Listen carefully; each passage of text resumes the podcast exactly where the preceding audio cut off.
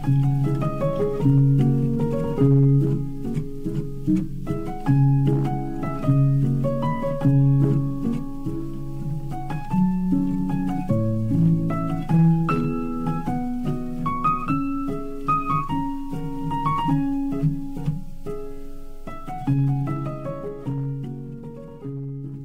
en baie welkom by Vers en Klank.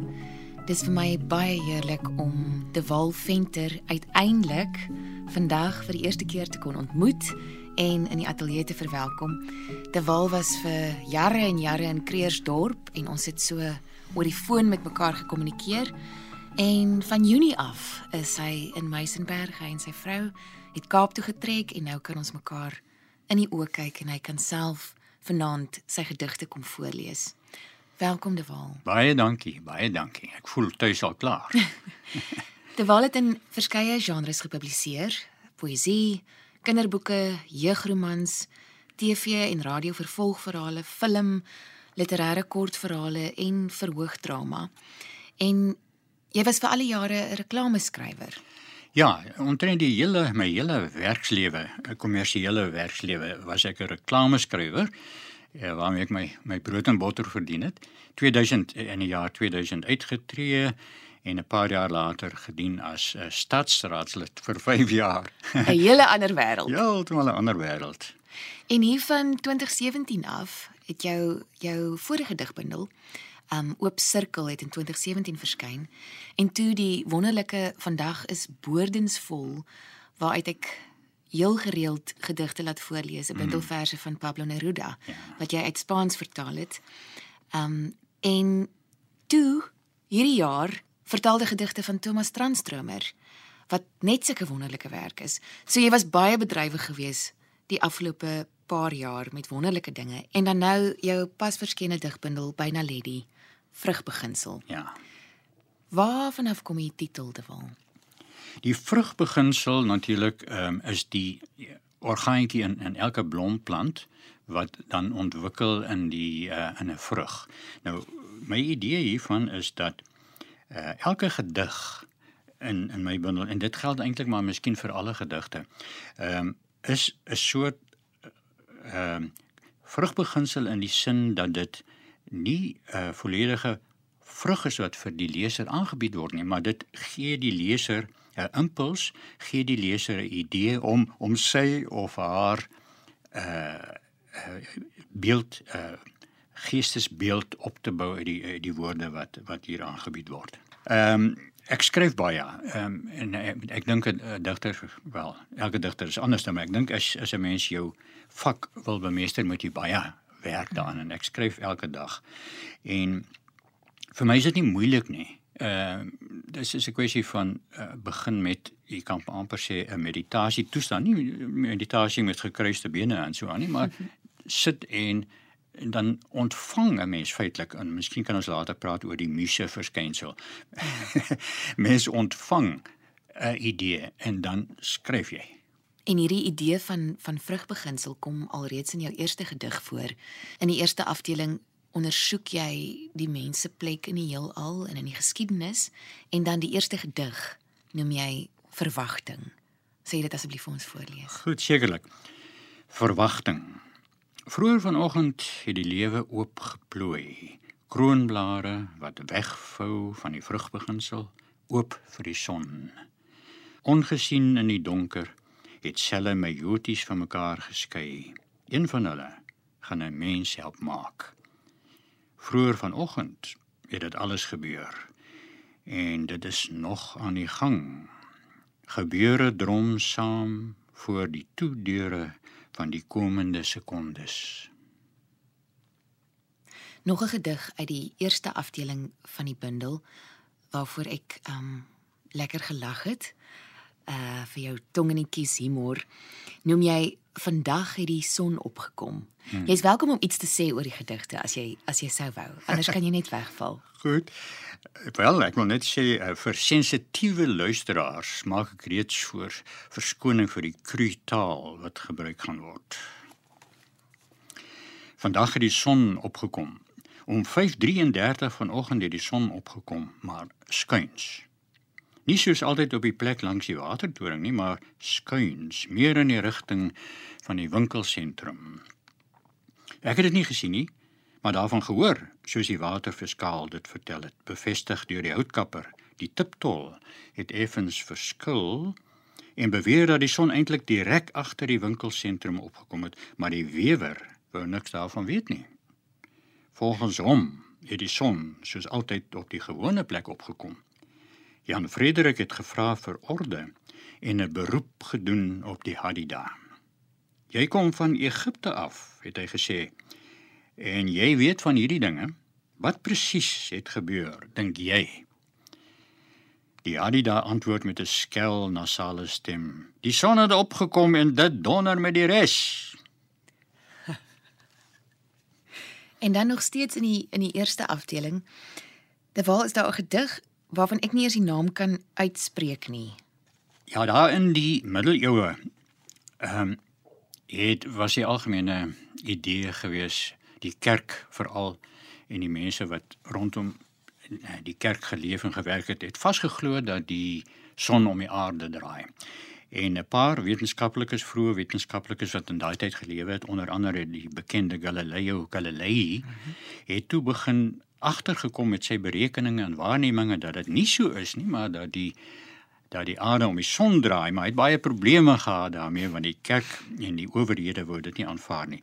En hy het toe die beroemde woorde gesê in in in middeleeuse Italiaans epur si muove epur si muove beteken as 'n mens nou vrylik vertaal in Afrikaans die ding draai tog Ek bedoel die aarde draai ek al het ek gesê hy moes dit ontken al het ek dit ontken ek dink tog die aarde draai om die son Lees dit asseblief vir ons Goed epur si muove 'n ryp appel se greep verslap en val.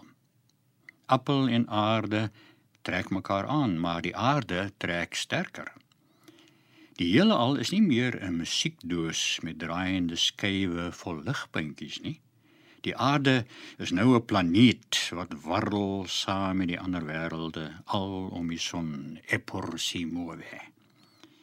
Die akedus skuif haar pensie stadig oor die warm klip. Wie weet wat sy dink? Dalk praat sy gesellig met die swanger aarde en eet die planeet se wiskunde soos muggies.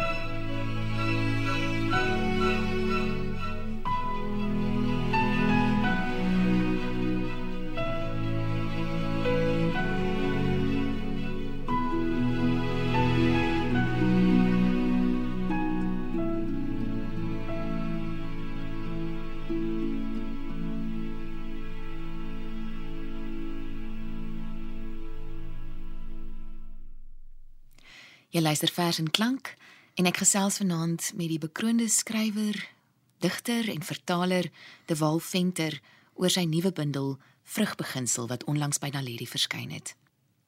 In die tweede afdeling van die bundel kom ontdekkings en insigte van die moderne wetenskap aan bod.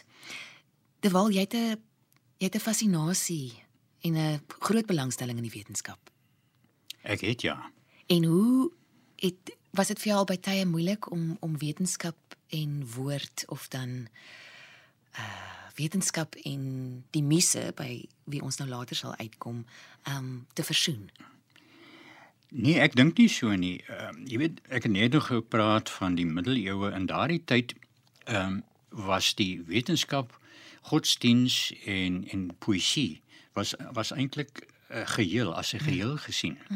Uh, en later in die tyd wat ons lewe het, het dit geskei en so voort. Maar vir my ehm um, voel ek dat ehm um, die wetenskap is so 'n belangrike absoluut belangrike deel van ons dink en bestaan dat ehm, 'n um, mens amper nie anders kan as om oor wetenskaplike begrippe uh, te, te te dig nie want dit is so deel van ons lewe.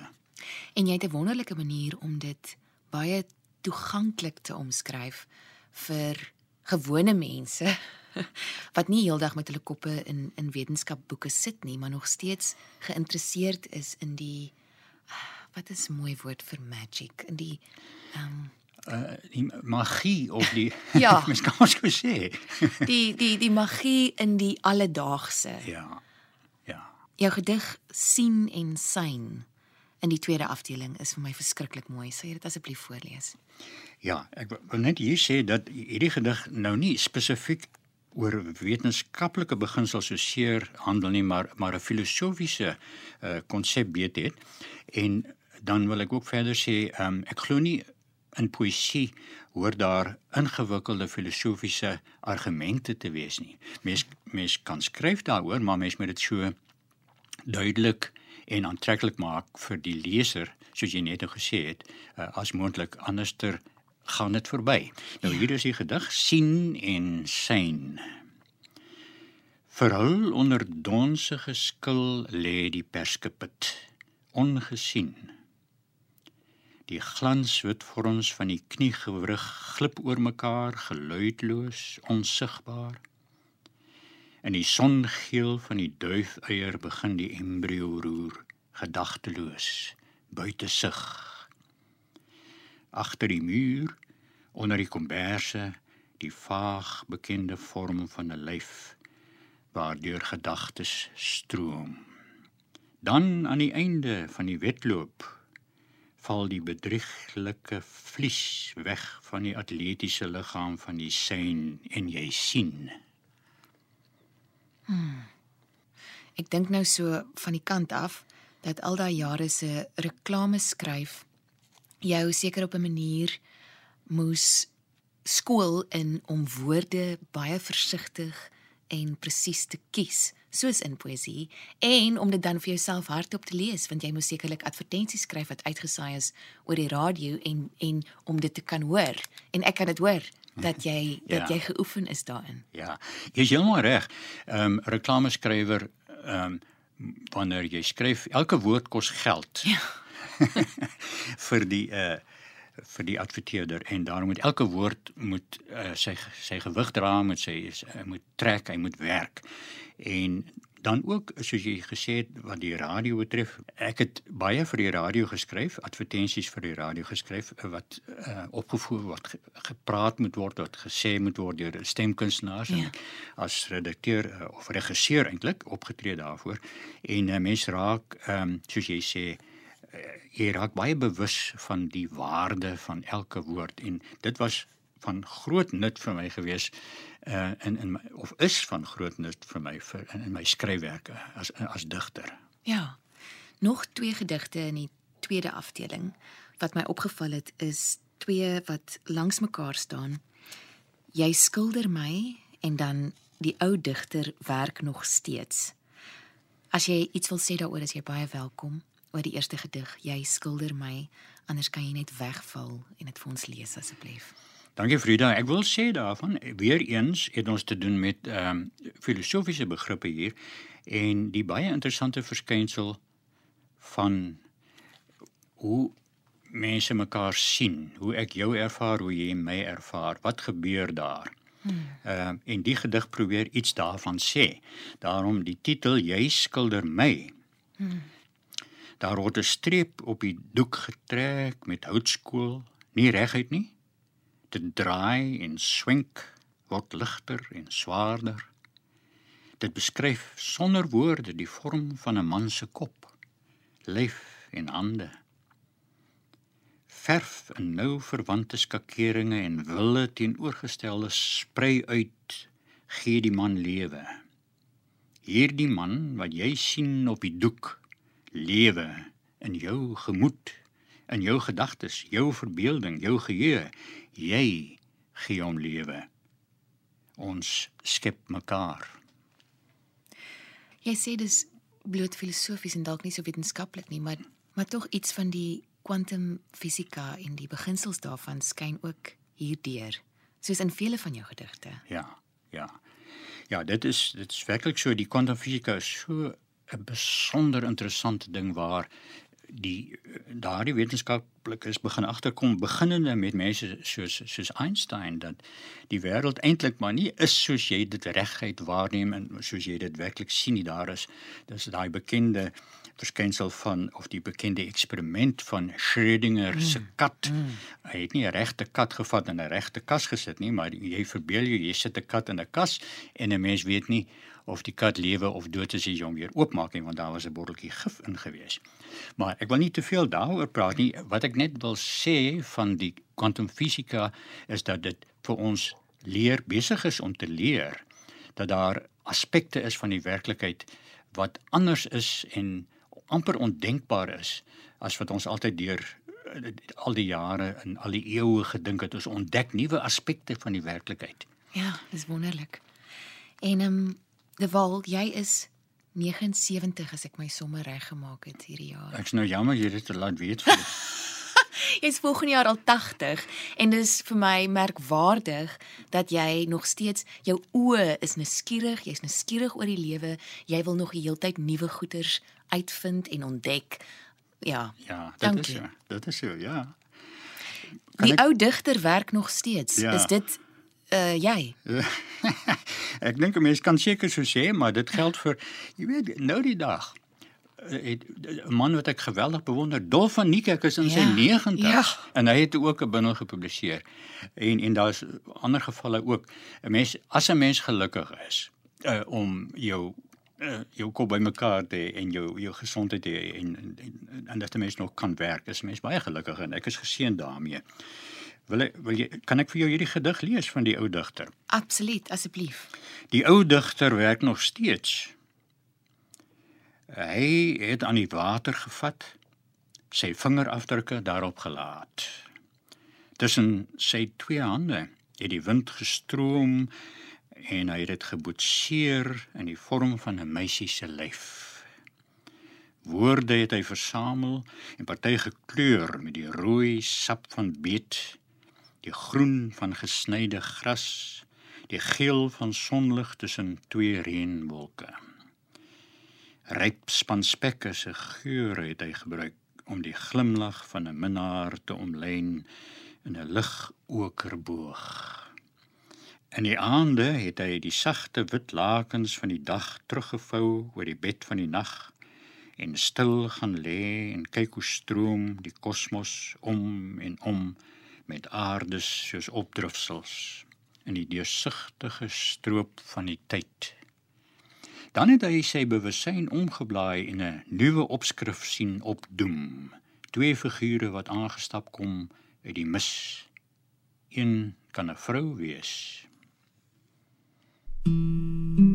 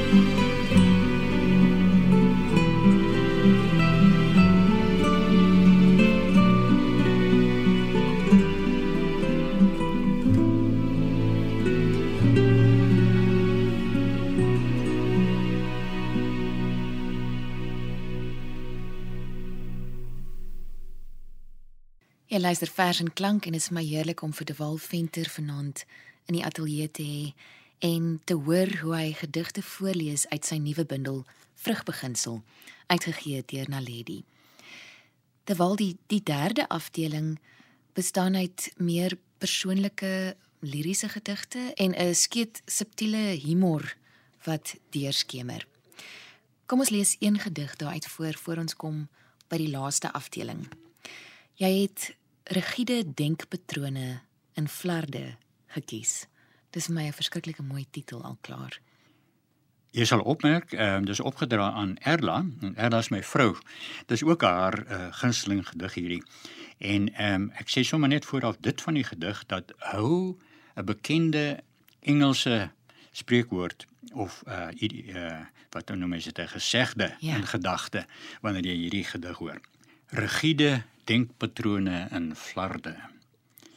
Soos die bil in die gangetjie afloop, mis die punte van sy horings raaklings die delikate koppies op die rakke. Hy draai links, kantel sy kop om sy horings verby die fragiele herderinnetjies te stuur en hulle oor sagte blou teestelle te sweep. Hy stop voor 'n oop glaskas met fase wat skaars die gewig kan dra van 3 rose elk. Die stoomende asem uit sy neusgate roer die verkoopsdame se rok. Ek sien hier om 'n punt te maak, rommel sy stem diep uit sy bors. En ek wil 'n porseleinring hê versier met 'n ontwerp van Delft. Met sy neusring aan stap die bil uit die winkel. Agter hom lê daar 'n klise in skerwe. Ek het nog nooit die idioom of die uitdrukking so duidelik uitgebeeld voor my gesien nie. Dankie. Terwyl dan kom ons by die by die laaste afdeling waarin jy as digter gesprekke voer met jou persoonlike misse wat jy Jannie Uterpe noem. Vertel ons meer daarvan. Dit is vir my fascinerend. Ehm um, Uterpe is is die werklike eh, naam van die antieke Griekse muse uh, vir onder andere 'n liriese poësie. Sy het later aan die muse geword uh, vir liriese poësie die Jannie is nie die Afrikaanse Jannie J A N N I nie, dit is met 'n y gespel Y A N N I wat dit is my naam vir haar want dit is my persoonlike muse. En uh die idee hier is dat uh dis 'n reeks gedigte waar die uh die digter in 'n bad sit, hy is baie lief om te bad. En terwyl hy in die bad sit, dan stap sy muse sy's 'n muse, sy stap sommer deur die muur, jy weet. nou wat bietjie anderster is aan hierdie muse dink ek is dat sy eh, 'n uh, persoonlikheid word. Ja. Ehm um, sy sy's 'n vrou ehm um, en sy uh, het 'n sterk persoonlikheid. Sy kom in en sy het nie eintlik tyd vir no, vir koetjies en kalfies nie. Sy stap in en, en gaan sit daar op um, op 'n uh, plekkie waar in die meeste badkamers en mos 'n plekkie waar 'n mens kan sit. Daar gaan sit sy en dan sê sy skryf. Sy dan dikteer sy vir daai vir die digter 'n uh, 'n gedig. Uh, en dan skryf hy net en dan aan die einde wil hy nog ietsie vra of sê maar sy staan op en loop weg deur die deur en sy sê totsiens.